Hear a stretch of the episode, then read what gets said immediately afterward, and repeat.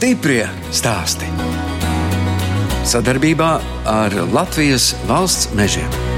Stipram ir jābūt tajā brīdī, kad iestājās kaut kāda krīze. Pirms tam bija vieglāk uh, nopelnīt naudu tajos darbos, kur mēs strādājam. Tad, kad 8. gadā iestājās krīze, tad arī mēs sākām nodarboties ar šiem meža augiem. Stabilitāte tas ir ļoti svarīgi. Un vienā dienā izdomāt, es pametīšu darbu un iešu uz laukiem, tagad darīt to, ko gribētos no sirds. Cilvēki nesaņemās. Un tad, kad tev izmet no tās līgstas, tad tu saņemies un vari. Un pats par sevi nopriecājies, ka īstenībā tu vari. Protams, nu, spēks vajadzīgs katru dienu. Tā saka Ilze un Kaspars Zandbergi. Es, žurnāliste Daina Zalamane, šoreiz ciemojos pie ģimenes, kas pirms deviņiem gadiem no Rīgas pārcēlās uz vecumniekiem un dzīvo Ilzes vecāku celtajā mājā. Viņi izveidojuši ģimenes uzņēmumu dzimtais dārzs un gatavo fermentētu ugunspuķu tēju, priežu, vīgriežu un plūškoka ziedu sīrupus, kā arī spiež ciedru riekstu, ķirbju, lincēklu un saules puķu eļļu. Kopā ar Ilzi vispirms apskatām dārzu pie privātmājas vecumniekos. Blakus peoniju krūmam zied Daugavas visbuļi. Lapas ļoti krāšņas, un viņas tādas arī kā kupene paliek visu vasaru. Ļoti skaisti. Un tad izaug tādi lieli ziedi, tādiem čemuriem, baltiem, līdzīgi kā baltās visbulītes, bet tikai lielāki. Ļoti skaisti. Dālīs sanākušas un koku rinda. Jā, un pētersīļi. Un pētersīļi un drusku zemenītes, arī kumelītes. Vislabāk ir tās, kuras pašas sasējās, tās ir visņiprākās. Zirnīšu sastādījām ar meitu. Tāds mazais puķu dārs. Te ir magonis. Jā, magonis ļoti skaists arī būs nedaudz pildīts, gan oranžā, gan rozā krāsā. Un ir kāds pipariņš. Jā, gurķīši vēl, vēl, vēl dīkst mums, un ir jau tādi, kas tur ražo stūrītī. Nu, tā mēs paši priekš sevis nodrošinam to. Mums nepieciešams ir pār pārēm, vēl cienājam citu. Ir arī tomāti, protams. Ir jā. arī tomāti, jā. Te saimnieko mamma. Dārsts pārsvarā mammas ziņā. Mēs palīdzam. Tās ir um, Āzijas un Austrumu līnijas tēta kolekcija palikusi. Tētis bija Lilijas selekcionārs Ivars Zilgāvs. Cenšamies uzturēt kaut ko, ko spējam, jo tas Lilijas viņas jau prāts ļoti daudz laika un ļoti lielu tādu ir? entuziasmu. Te gan šķirnes, gan arī vairāk ir visādi selekcijas varianti. Nu, viņas ir tādas no baltā līdz tumši tādam violēti, sarkanam. Zeltenie, citrona, siltie zeltenie, tādi dažādi toņi. Viņi ļoti smaržo. Tīpaši vakarā. Ivars Zilgāls. Viņš bija sporta treneris, viegli atlētikas treneris. Viņš bija daudzpusīgs dažādās jomās. Viņš fotografēja, viņš audzēja lilijas, pirms tam gladiols mums bija. Radoša persona. Jā. Un lilijas jau vispār vecumniekiem ir raksturīgas, jā, jo jā. pat vecumnieku ģerbonī ir lilija. Jā. Sākās ar uh, Jāni Vasarieti. Viņš arī tepat baloži ielā tālāk dzīvoja, viņam bija mājiņa ar sievu. Tad no viņiem sākās tā puķu lieta. Viņi tā kā ievadīja mamma tēti tajā lietā. Un, Tad bija gladiols un lilijas un, un pirmās sēklas, kas tika vestas no ārzemēm. Un tad Gercons, arī Baložielā. Visi selekcionāri dzīvo Baložielā? Jā, gandrīz, jā. arī man brālēns ir. Tad jūsu bērnība pagāja palīdzot vecākiem, jā? jā. no ziedos. jā. jā. Un gribējās ar tiem ziediem ņemties? Ļoti patika. Nu, tā ravēšana, nu, tas cits jautājums, bet principā ļoti patika, jā. Un bērnībā arī bija apkārt daudz pļāvu, nebija mājas tās atceltas, un tad mēs dzīvojām pa laukiem un braucām uz tēta mājām uz kurmeni, mēmeles krastā mājas. Tagad tikai novērtēju, cik tas bija skaisti. Dzīvusi esmu Ludzā, tāpēc, ka mamma nāk no Ludzas, tad viņa zobārsta, tur viņai bija pazīstams viss dakteris, un tad viņa tur nolēma, ka man jānāk pasaulē tur. Tur viņai būs drošāk. Vasaras tika pavadītas pie mammas, mammas Ludzā.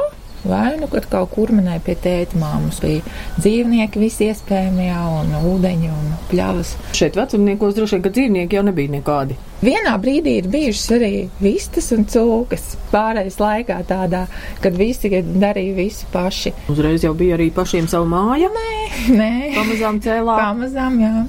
Dzīvokļu mājā dzīvojām. Vecāki audzēja puķis un zemenes. Un tad cēlām šo māju. Skolas laikos, kas tad jums patika, ar ko jūs nodarbojāties? gāju mākslas skolā, mūzikas skolā. Baldonē, tad mums ir arī vecumniekos, gan mākslas skola, gan mūzikas skolas, bet toreiz nebija, un tad es braucu uz Baldonu. Un tad māju cēlām, un, un dārzs mūždien, un tad brālis bija maziņš, kas bija auklē. Tas arī tā ļoti atbildīgi par to izturējot. Bija astoņi gadi, kad brālis piedzima, un tad es biju liela aukla. Tagad es tā paskatos uz savu meitu, astoņi gadi, domāju, ārprāts, bet es to atceros, to sajūtu, kā ar kādu es uzņēmu to auklēšanu. Tā. Nu, bet droši vien vecāki bija pietiekami nodarbināti. Jā, protams, visi strādāja. Mamma no rīta līdz vakaram, un tētim gan vakarā bija treniņi. Tad rīta pusē tad viņš vairāk par māju darbojās. Bet mums bija Omīte, mammas mamma, kas ar mums ļoti darbojās. Kā bija ar profesijas izvēli? Aizgāju mācīties par mākslas skolotāju universitātēm, vizuālās mākslas.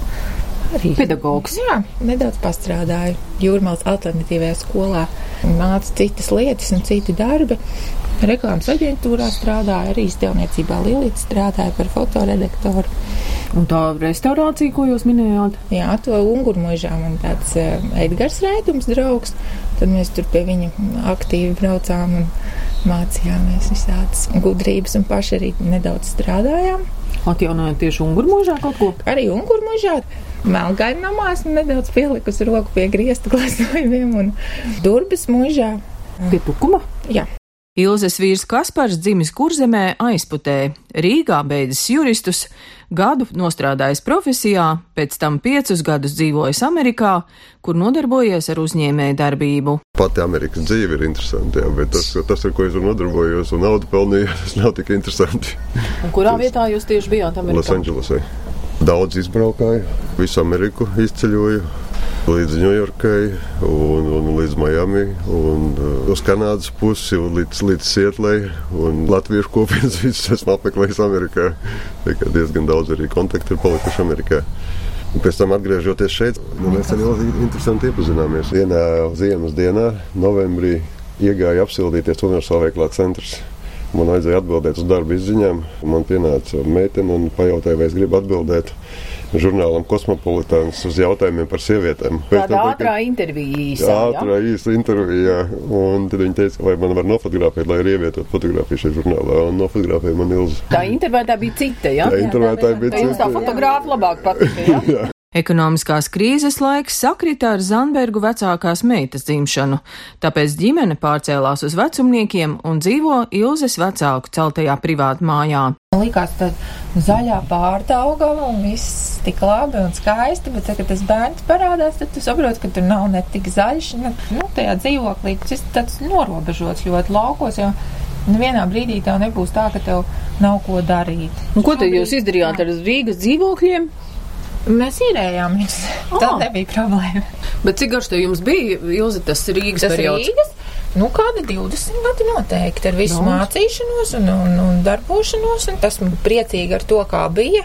Un arī tagad priecīgi atgriežoties un esot šeit laukos. Un īsnībā mums ir stunda līdz Rīgai, ja mums sagribās uz pilsētu. Ļoti viegli to varam piepildīt, bet um, tāda dabiskā vide Tas ir tas, kas cilvēkam ir vajadzīgs. Es labprāt nebraukātu tik bieži uz Rīgu, ja nevajadzētu tomēr saistībā ar darbu braukāt, jo tās ir tā kā divas pasaules. Kad es šeit palieku dienu, nebraucot uz Rīgu, tad es aklimatizējos. Un man jau nākošā diena šeit atrodoties ir savādāka, pilnīgāka, gaišāka, varētu teikt. Brauc mājās, lai pēlpotu svaigu gaisu, izgulētos kārtīgi un atpūsties. Saka, ka pilsētā ir vieglāk daudzajādā ziņā, ja? ka laukos tev jābūt mašīnai. Tu nevari tā kā Rīgā iekāpt trolēbusā un aizbraukt fiksi, fiksi, kur tev vajag. Kur tad tev vajag? Jā, tas ir jautājums, kā viņš grib nodzīvot un kur viņš grib aizdzīvot. Jo Dievs nav paredzējis neko vieglu. Visu laiku mums ir kaut kas jādara ar prieku un uh, jātrenē savu gribu, varētu teikt tā. Tikai tad mēs arī kļūstam par īstākiem cilvēkiem. Tad dzīve ir pilnvērtīgāka. Tādā veidā mēs arī kļūstam gan veselāki, gan skaistāki. Tieši laukos viss tas, kas ir jādara, tas to nodrošina pats par sevi dabiski. Veselīgai piepūlē ir jābūt, jo tāds brīvais kritiens vai švilciens, nu, tas ir uz leju. Nu, mēs tomēr gribam uz augšu. Tam mums ir jākāpj. Citreiz pa stāvāku, citreiz pa vieglāku, bet tomēr jāiet jā, jā. ceļš uz augšu. Tas ir dievišķais ceļš - trenēties un trenēt savu gribu un veidot savu dzīvi. Stiprie stāsti!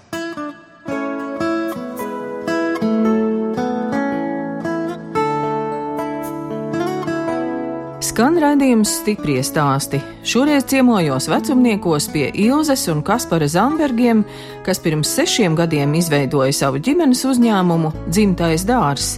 Ilze Rīgas restorāniem ved arī dažādus augus un zaļumus, tāpēc viņu dēvē par meža ilzi. Es sāku ar pavasara sēnēm, ar murķeļiem. Pavasarī ar zaķkāpostiem, ar dažādiem dzinumiem, pumpuriem, zālītēm, ko citi nepamana. Es viņus pamanīju un piedāvāju. Un, piemēram, restorāns trīs un trīs pavāru restorāns. Ērika Dreibanta. Un tad viņiem bija tā vajadzība pēc lietām, ko es varu viņiem sagādāt. Un tā izveidojās tā sadarbība mums jau ļoti daudzus gadus. Piemēram, šobrīd vakarā aizsūtīju jaunos egļu dzinumus. No bērnības man patika lasīt puķis, pļavās, un nekas nav izdomāts tur. Tie sīrupiņi un viss. Tas nav nekas izskaidrots un izdomāts taisam biznesa plānu. Tā tā vajagot. Tas nav par mums. Kādam citam vajag, jā, droši vien. Bet tas tiešām nav priekš cilvēka. Tas tā nav. Cilvēks var vadīties tikai pēc iekšējām sajūtām un pēc tā, ko dzīve viņam pasaka priekšā. Dzeram fermentētu ugunspuķu tēju, jeb kā to sauc Krievijā, Ivančai. Tā izcelsme ir no Krievijas. Mēs braucām mācīties uz Karēliju. Un tad pēc tā pamata arī darbojamies paši. Nedaudz esam uzlabojuši. Laika gaitā esam tikuši pie tās savas tējas labās receptes. Tēja it kā liekas tāds vienkāršs produkts, ko mēs visi pazīstam, jo latvieši jau tomēr tējas vāc un um, kaut kas aug dārziņā un kaut kas aug pļavā, un kāpēc tad Jā. jābrauc uz Krieviju mācīties? Tieši šī ir fermentēta ugunspuķa tēja, un tā ir eh, krievu recepte. Lapas. Tās ir lapas, klasiski lapas. Tad ir mm, dažādas piedevas, arī ziedi, vai dažni dažādu tēju pieaugums. Ir meža avenis fermentēts, arī, piemēram, upenis vai upeņu ogas vai puķgālīte, kas atkal katrai tējai piešķir tādu savu niansi garšas un arī ārstnieciskā ziņā. Un šī ir ar puģgalvi. Jā, šī ir puķgāla. Puķgālīte ir dziļās iedarbības augs, atjauno aknas. Tieši ugunspuķa tēja pastiprina puķgalīšu iedarbību. Ar ko šīs tējas atšķirās no citām ugunspuķa tējām? Viss process notiek temperatūrā, kas nepārsniedz 40 grādus. Ja, un mēs arī fermentējam dabīgā veidā, pie dabīgās temperatūras. Un viņai ir daudz augstāka enerģētiskā iedarbība. Kur jūs tās ugunspuķis lasāt? tīrās vietās Latvijā, gan šeit, gan arī vairāk uz Madonas puses vācam. Tur ir tādi labāki ugunspuķi lauki. Te vēl uz galda stāv. Jā, tie ir Čiekuriņi, čiekuriņi, tie ir prieža, arī klasika mūsējā. Tie ir paši pirmie šī gada raža. Un čiekurs arī tieši tāpat kā sīrupu ēd, kā sukādītis. Bet viņi var arī apēst pilnībā. Protams, jā. Pagaršojiet. Nu, tā, Jāņem aiz galiņa? Jā, ņemieties galiņa. Mm. Redziet, man pat nenāca prātā, mm -hmm. ka tas čiekuriņš ir tik mīksts. Pēc speciālas receptes gatavos, lai viņš būtu tik mīksts. Viņš tiek lēni sautēts, jo savādāk viņi nevar iegūt to mīkstumu. Jā. Mm. Visiem sīrupiem ir bioloģiskais cukurs. Pie čiekuriem vīgriežu sīrups man vēl ir un plūškoku ziedu sīrups. Nekādi. Es skatos, te arī citronu sula klāta. Droši vien Jā. jau nav tik ļoti salds. jā, Ja? jā, Zīmols, dzimtais dārzs. jā. Un Kā jūs līdz tādam nonācāt? Jo jūs teicāt, ka jums sākumā bija kaut kas ar eko saistīts. Jā, mums bija ar eko saistīts. Arī mēģinājām to bioloģisko certifikāciju. Sākām to procesu trīs gadus. Tad sapratām, ka tas tomēr arī nav priekš mums. Mēs nonācām uh, konfliktā ar pārtiks un veterināro dienestu. Piemēram, mēs nevaram uz šī sīrupa rakstīt, ka tiek izmantots bioloģiskais cukurs, kaut gan mēs viņu oficiāli iepērkam no Norvēģijas kompānijas. Ir dažni dažādi normatīvi akti Eiropas, kas izceļ tieši lielražotājs šobrīd, kas ražo ekoprodukciju, kur nav ekoprodukcija. Nu, piemēram, tām pašām Eiropas Savienības interesēm paumeļu izplatīt, kad grūti ir atrast produktu, kur nav paumeļu pievienot, kas ir kaitīgi organismam. Bet kāpēc tad jums aizliedz to eko nosaukumu? Pirmkārt, mēs nevarējām certificēt uh, tos tējas laukus visus, jo pirmkārt viņas nevarēja uzrādīt un to nevarēja Nu, sakārtot īpašums, dokumentāli. Jā, tas nav mūsu īpašums. Jā.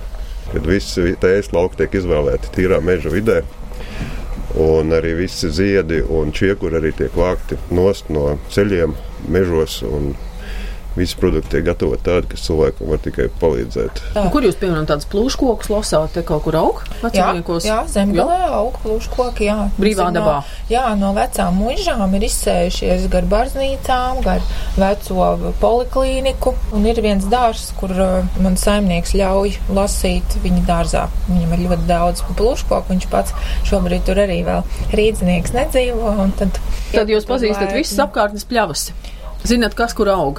Pamazām jau iepazīst. Kaspars jau teica, ka viņš vairāk ar to tirzniecību un tādām lietām, tad jūs vairāk esat tā lasītāji. Jā, jā. es pat arī braucu uz pļauju, lasu vīgriežus un braucu pēc plūškokiem ar velosipēdu. un vedu mājās un gatavoju sīrupus un, un pēc tam pati pildu un domājam par dizainu arī. Paši negatavojam etiķetes, to uzticam māksliniekiem, bet paši piedalāmies arī tajā procesā un paši pakojam, visu paši daram. Kaspars Sibīrijā iepērk ciedru riekstus un no tiem spiež ciedru eļļu. Spiežam ciedru rieksteļu, spiežam ar koka presi arī pēc vecajām metodēm. Ne ar ko nešķaidām, nekādas atļautās piedevas. Mums ir simtprocentīgi ciedru rieksteļi. Un kādā veidā jūs atvedat viņus no Sibīrijas? Mums ir zināmi cilvēki, kas ievāc. Viņi atnāk no sākuma transporta kompāniju līdz Sanktpēterburgai, un pēc tam no Sanktpēterburgas viņi tiek nogādāti Latvijā.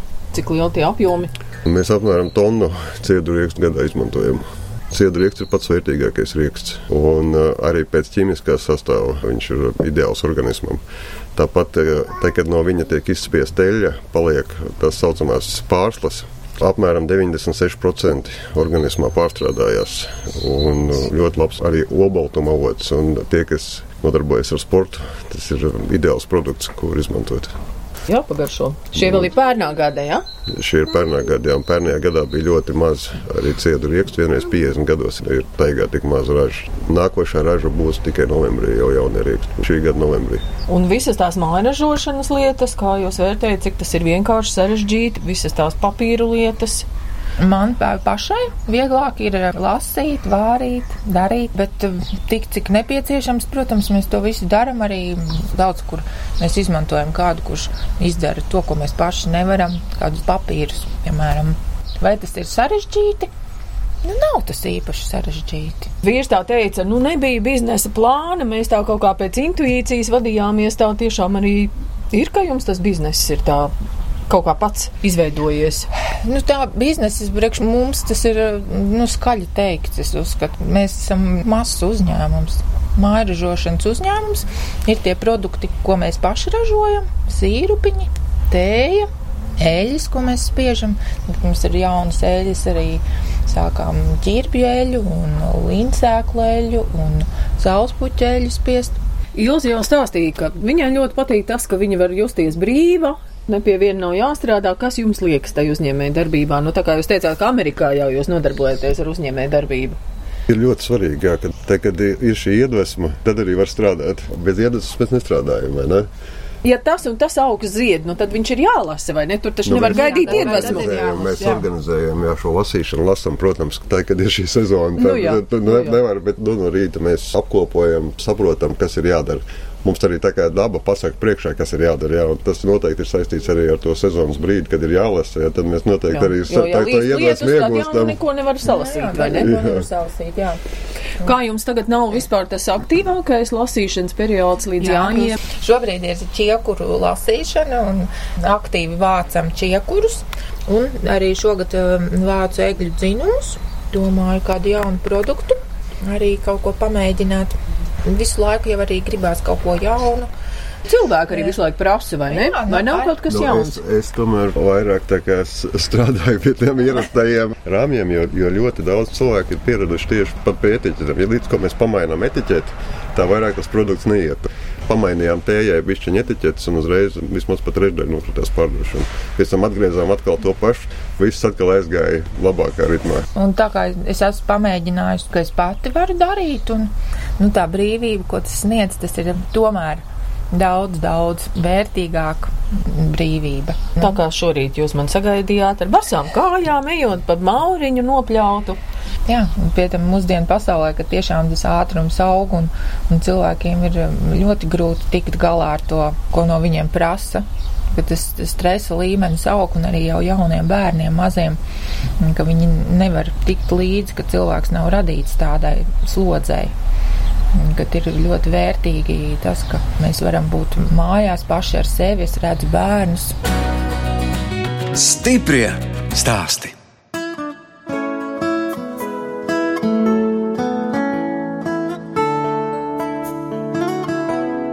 Skan raidījums stiprie stāsti. Turpinu ciemoties vecumniekos pie Ilzes un Kaspara Zandbergiem.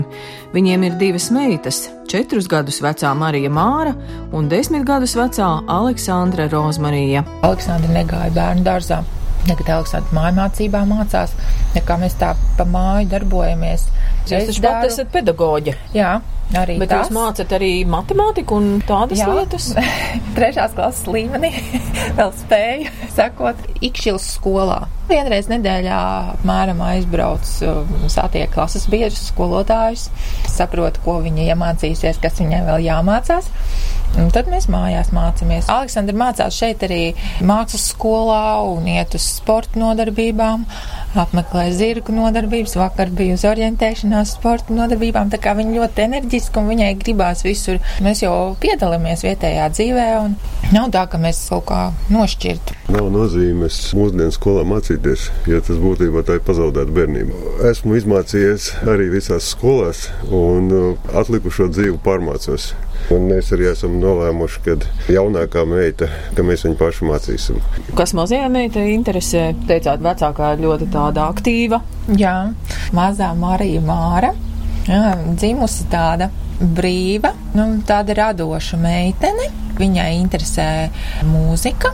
Viņam pilnīgi savādāk nekā vecākā māsa. Tās intereses tādas mm, vecākajai māsai uz vizuālo mākslu un telpiskās lietas. Viņa interesē būvēt un dzīvnieki. Mazā ir atkal ļoti mātišķa.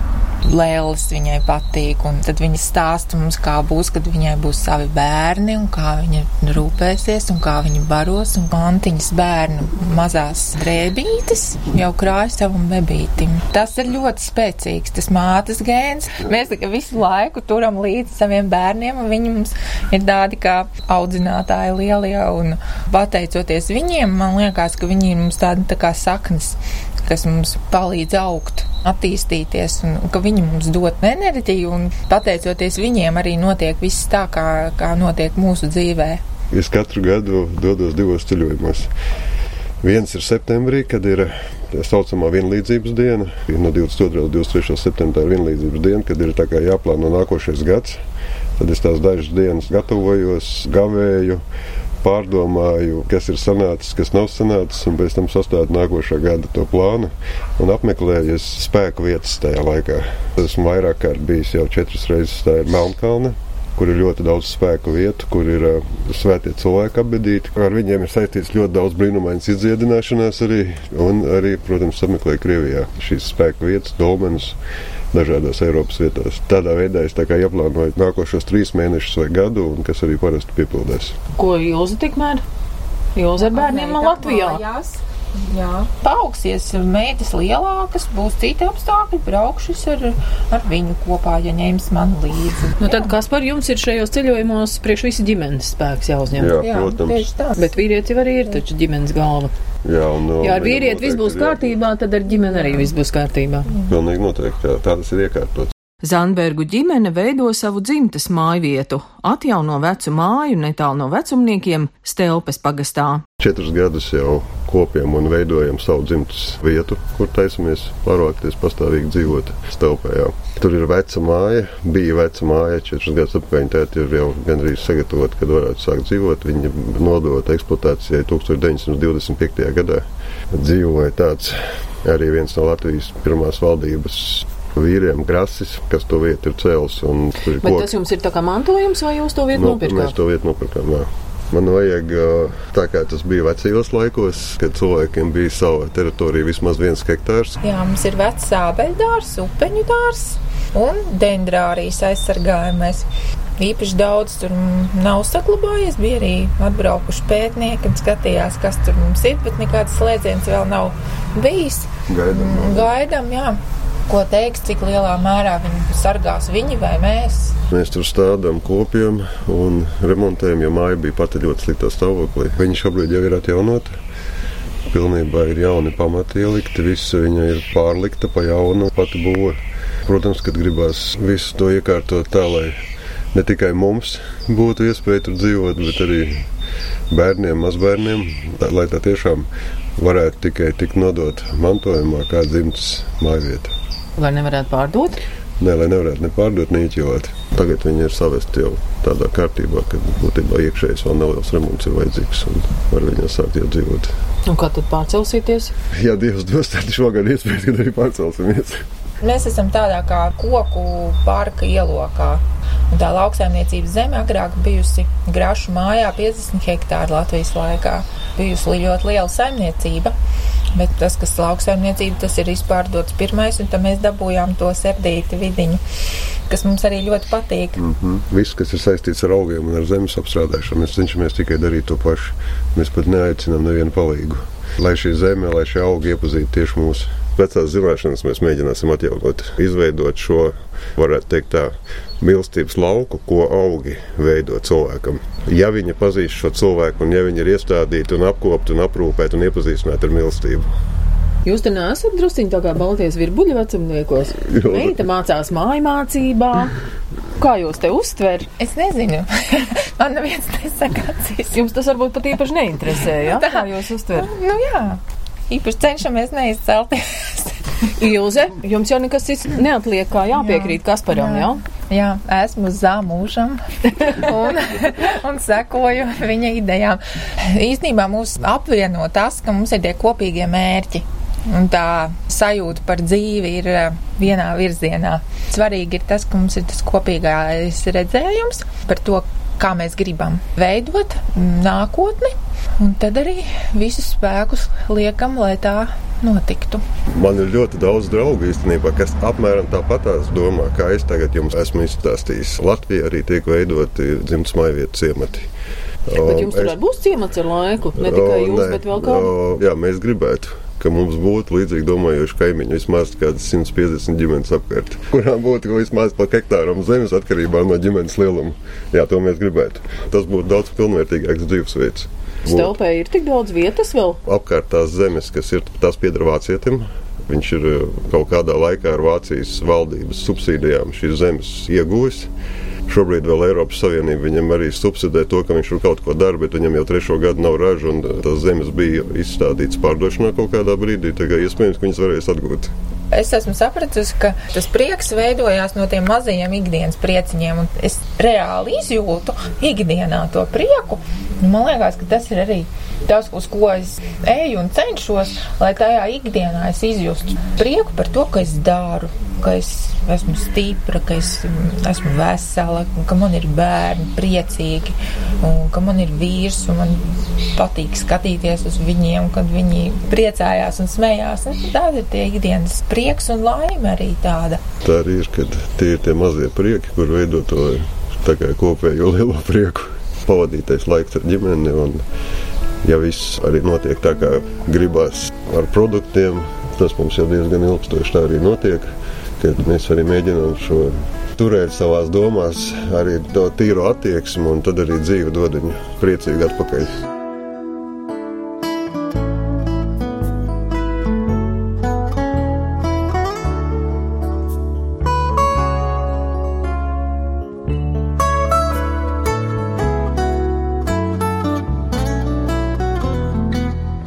Raidījums stipri stāst izskan, un mēs atvadāmies no Ilzes un Kaspara Zandbergiem, kas vecumniekos izveidojuši ģimenes uzņēmumu dzimtais dārzs, gatavo fermentētu ugunspuķu tēju, priežu, vīgriežu un plūškoka ziedu sīrupus, spiež ciedru riekstu, ķirbju, lincēklu un saules puķeļu. Viņi veido savu dzimtas mājvietu netālu no vecumniekiem Stelpes pagastā. No jums atvedās žurnāliste Dāna Zalamana un operātore Inga Bēdele, lai tiktos atkal tieši pēc nedēļas.